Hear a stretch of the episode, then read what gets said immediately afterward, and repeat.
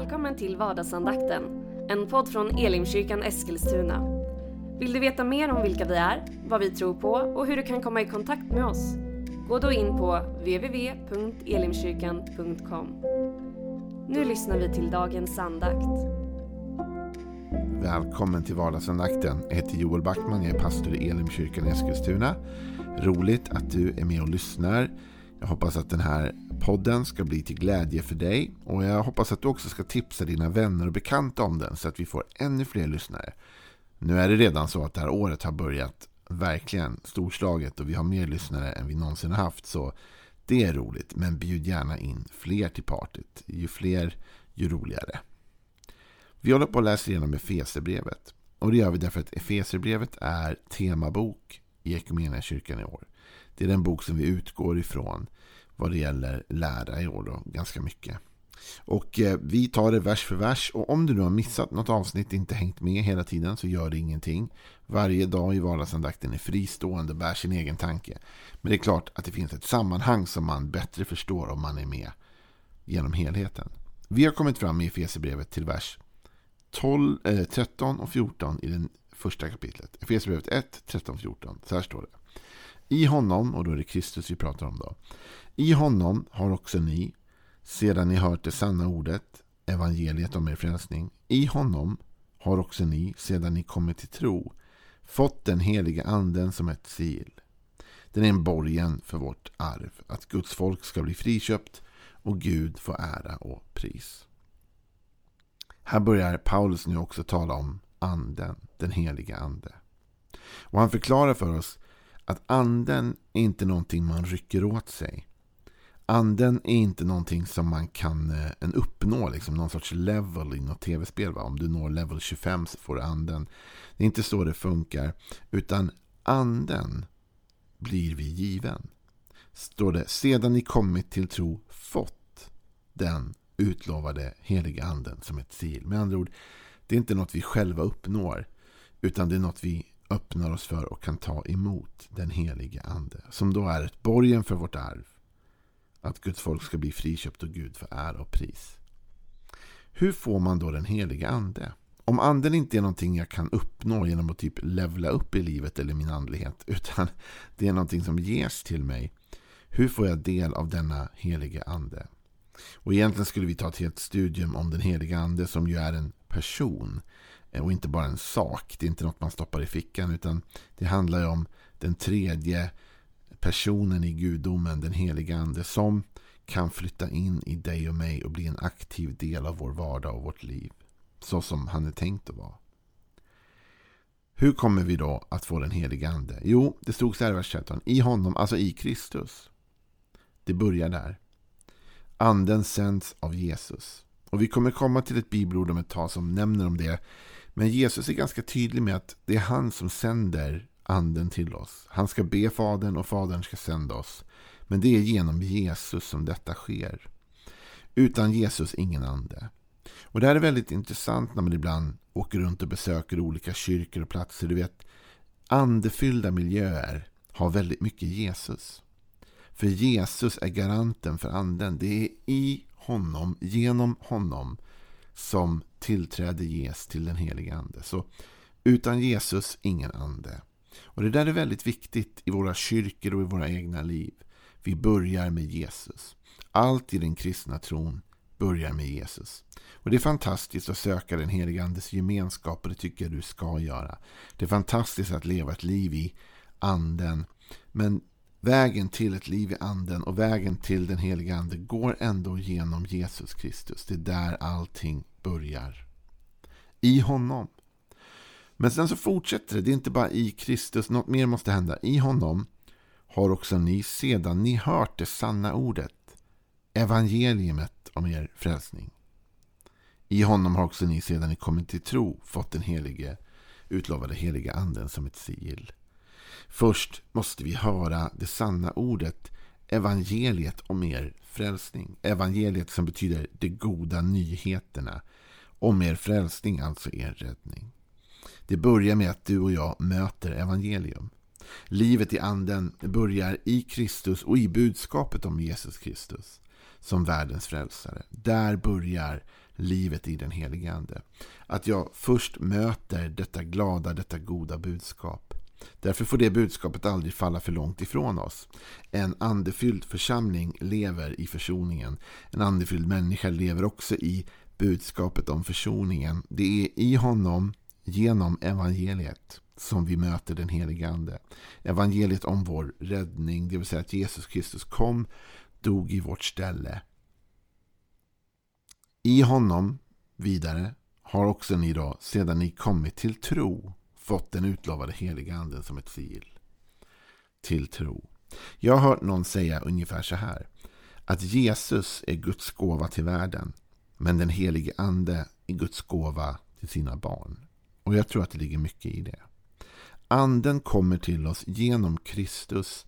Genom att vi möter evangeliet. Men också kommer till tro på evangeliet. Blir födda på nytt.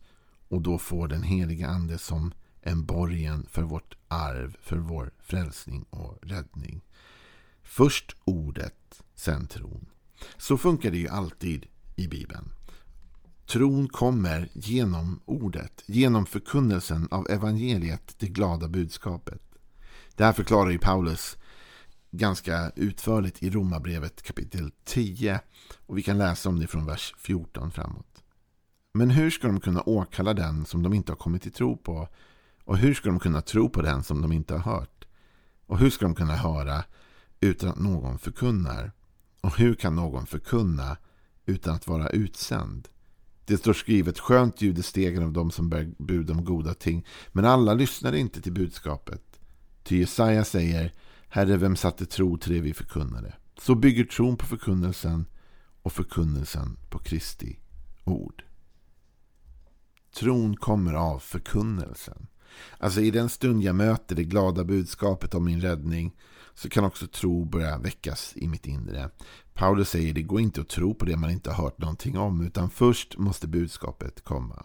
Och det där är väldigt intressant därför en del tänker att åh, en församling som ska ha liksom liv i anden och leva i andens fantastiska liv och fullhet den måste prata mycket om bara anden och anden och anden. Och det är sant. Vi måste tala om den helige ande. Och den helige ande borde få mycket mer utrymme och kärlek än vad vi ibland ger honom.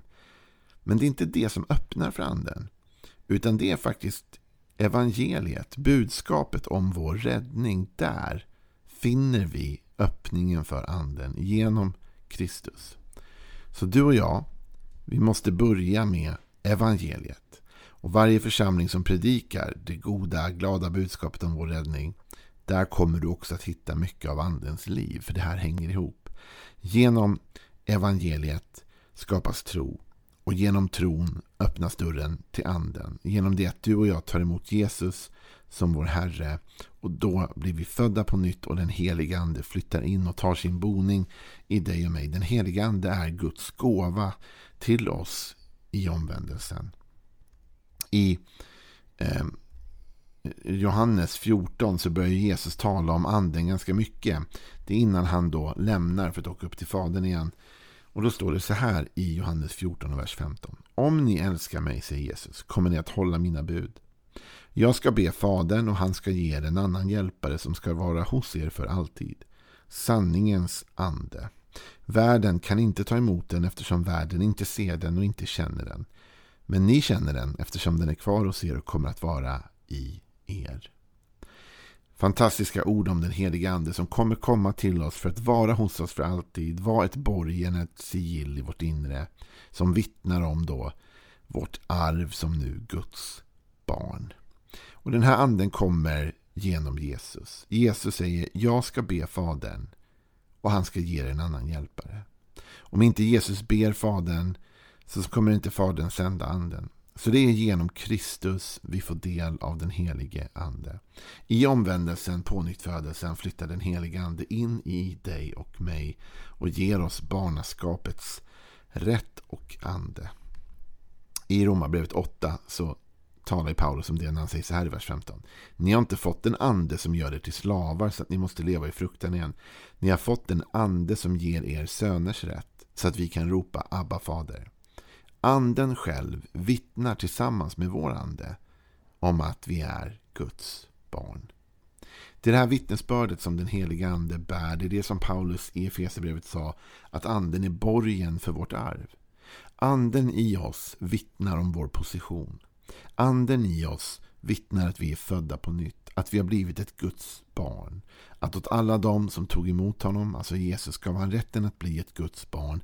Det är vad anden inom oss hela tiden säger.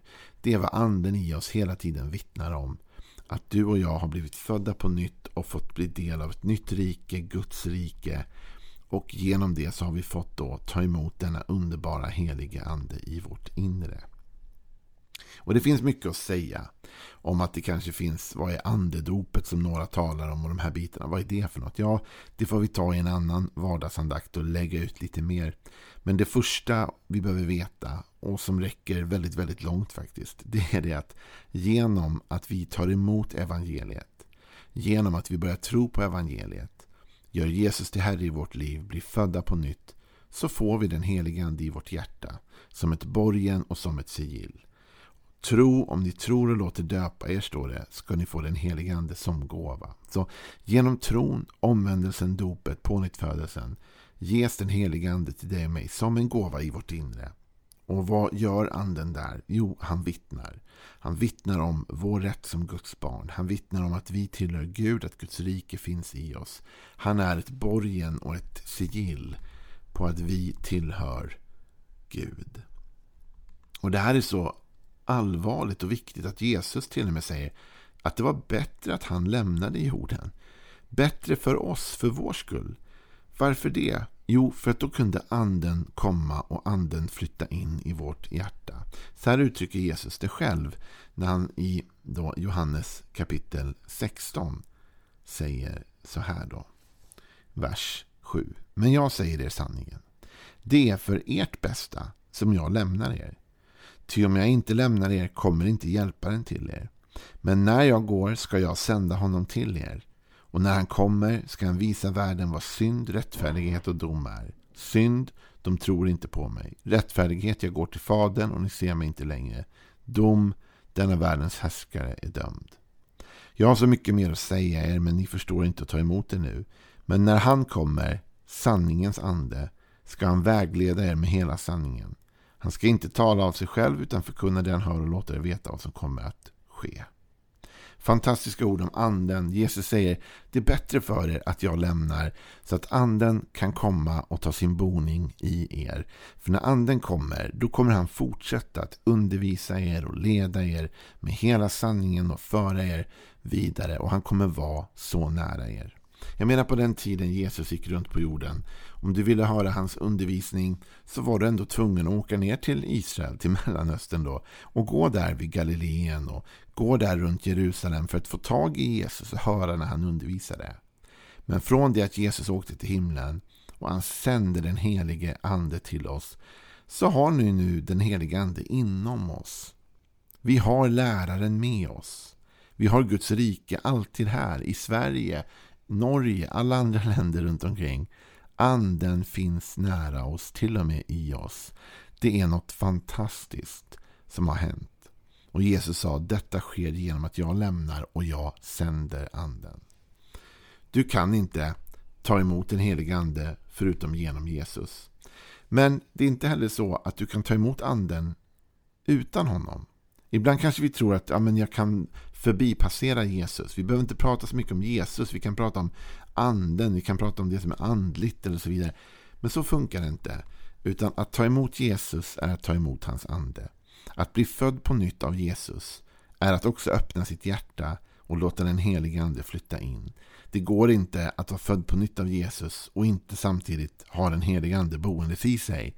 Utan i denna underbara pånyttfödelse så flyttar den helige ande in i våra hjärtan. Det är del av paketet så att säga. Att vi får detta borgen, detta sigill på insidan av oss. Och det är det mest underbara man kan ha. Och vi kommer få skäl senare i Efesierbrevet att återkomma till anden, att tala mer om hur underbart det är att leva i relation med den helige ande. Men för nu så vet vi detta. Utan Jesus ingen ande.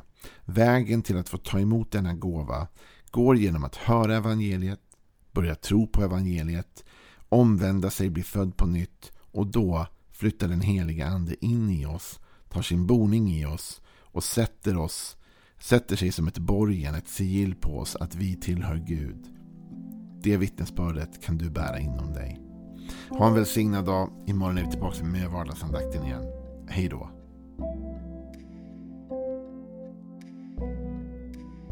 Du har nu lyssnat till vardagsandakten från Elimkyrkan Eskilstuna.